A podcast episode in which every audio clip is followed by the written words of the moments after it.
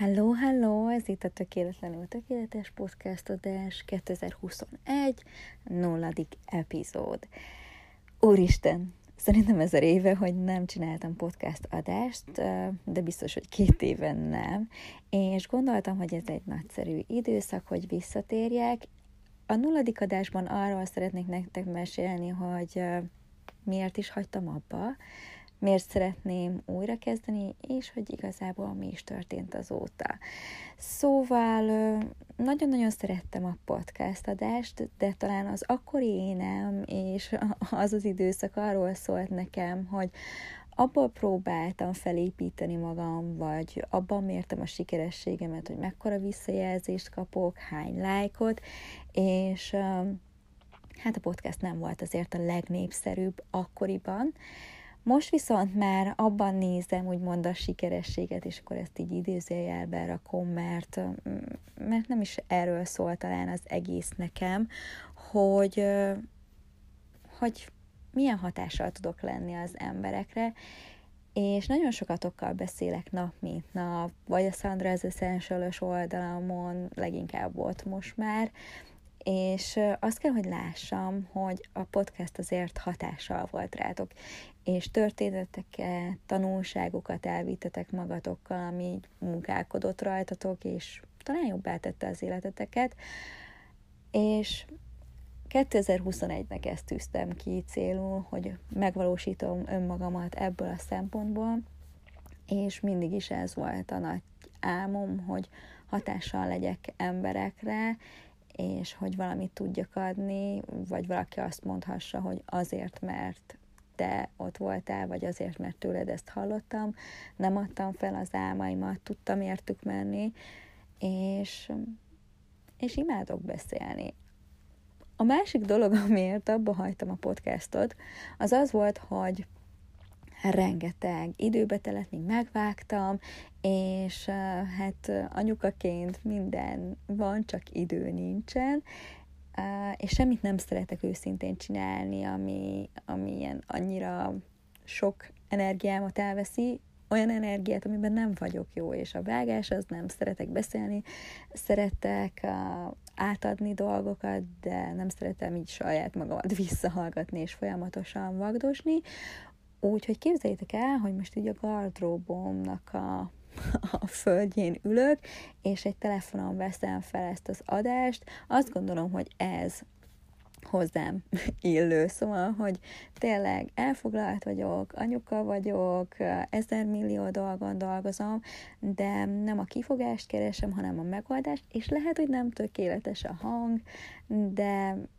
még mindig többet tudok adni, mint hogyha be se kapcsoltam volna a telefont, vagy hogyha fel nem töltöttem volna ezt a podcastot. Szóval nem lesz tökéletes, valószínű, sőt, biztos, de próbálok úgy beszélni, hogy nem vágom meg, és ez a másik dolog különben, hogy nagyon-nagyon szeretnék fejlődni a beszédben, szeretnék fejlődni abban, hogy hibázás nélkül, sok ő nélkül tudok beszélni, úgyhogy ez egy, erre is egy elég jó kis tanuló lecke, vagy tanulási tér lehet, és hogy mi történt velem az elmúlt két évben, rengeteg minden, most már a kislányom három éves, azóta született egy kisfiunk, Bebe, aki most tíz hónapos, és tüneményes, tényleg fantasztikus gyerek, nagyon-nagyon hálásak vagyunk, nagyon szerencsésnek érezzük magunkat, és annak ellenére, hogy 2020 még csak most múlt el,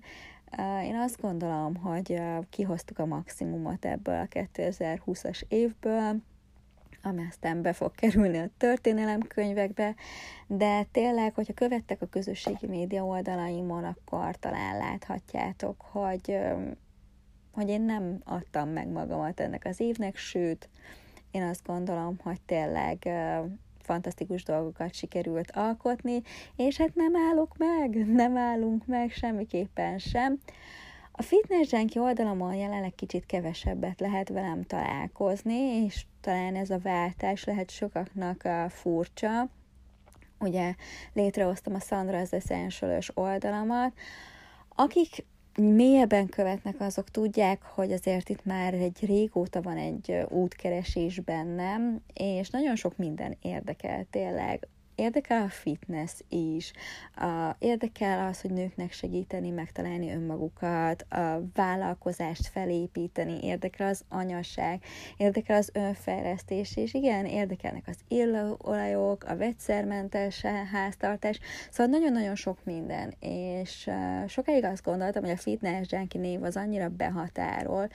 hogyha valaki fölmegy, akkor fitness akar látni, nem akar az én kis lelki dolgaimról olvasni,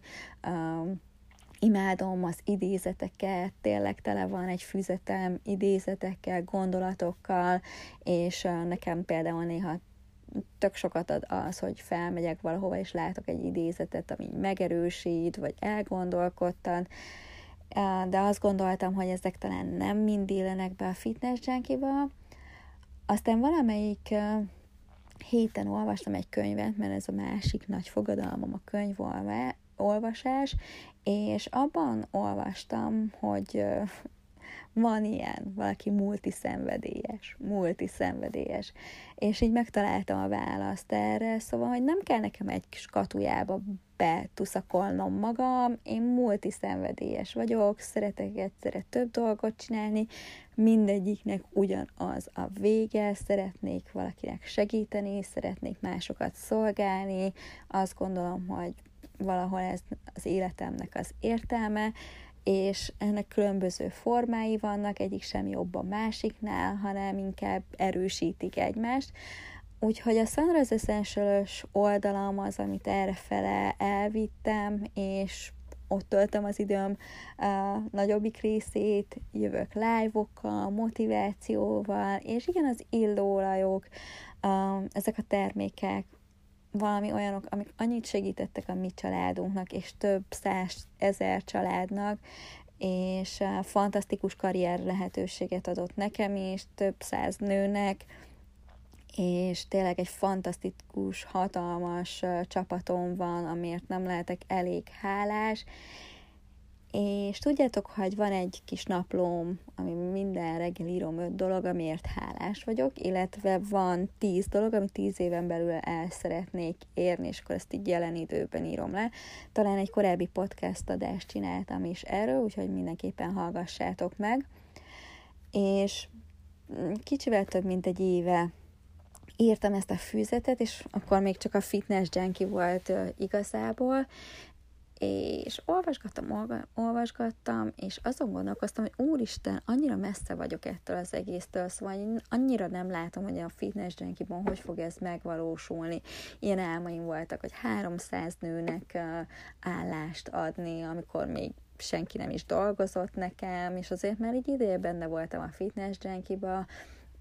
voltak más nagy álmok, amikről most így inkább nem beszélek, de hogyha érdekes lehet, akkor mindenképpen hagyjatok egy kommentet, és akkor fogok erről mesélni. Szóval, hogy ott ültem, és néztem, és úristen, hogy fog ez megvalósulni? Szóval annyira messze vagyok tőle, és akkor találkoztam az olajokkal, és akkor később így megismerkedtem az üzleti résszel, és minden kérdésemre úgymond választ kaptam általa, és most látom, hogy azok a dolgok most így formát öntenek, szóval egy fantasztikus tényleg eh, látni ezt az egészet, szóval inspirálok titeket arra, hogy írjátok le, nem kell ehhez az én kis csilli-villi naplom, bár tényleg nagyon jól néz ki, öt dolog, amiért hálás vagyok, és tíz dolog, amit tíz éven belül el szeretnék kérni, és jelen időben írjátok, és mindig ugyanazt, és hogyha megvalósul, akkor lehet újabbat felvenni. Ez volt a nulladik adás. Ha tetszett, akkor mindenképpen hagyjatok öt csillagot, kommenteljetek, osszátok meg a barátaitokkal, jelöljetek meg tényleg a közösségi médiába, adjátok a szeretetet, és a végérzetül tényleg annyit szeretnék csak mondani, és próbálok mindegyik, minden kis platformon ezt átadni, hogy, hogy nagyon-nagyon hálás vagyok értetek, és nagyon szeretlek titeket, és tudom, amikor így néha azt éreztem, hogy ezt így ki szeretném mondani, akkor visszatartottam magamat, mert mit fognak gondolni az emberek, hogyan szerethetsz, hát nem is ismersz, nem is ismerjük egymást, és hallottam egy nagyon-nagyon jó mondatot, az emberek utálkoznak ok nélkül, én a szeretetet választom ok nélkül. Legyen csodálatos napotok, és vigyázzatok magatokra!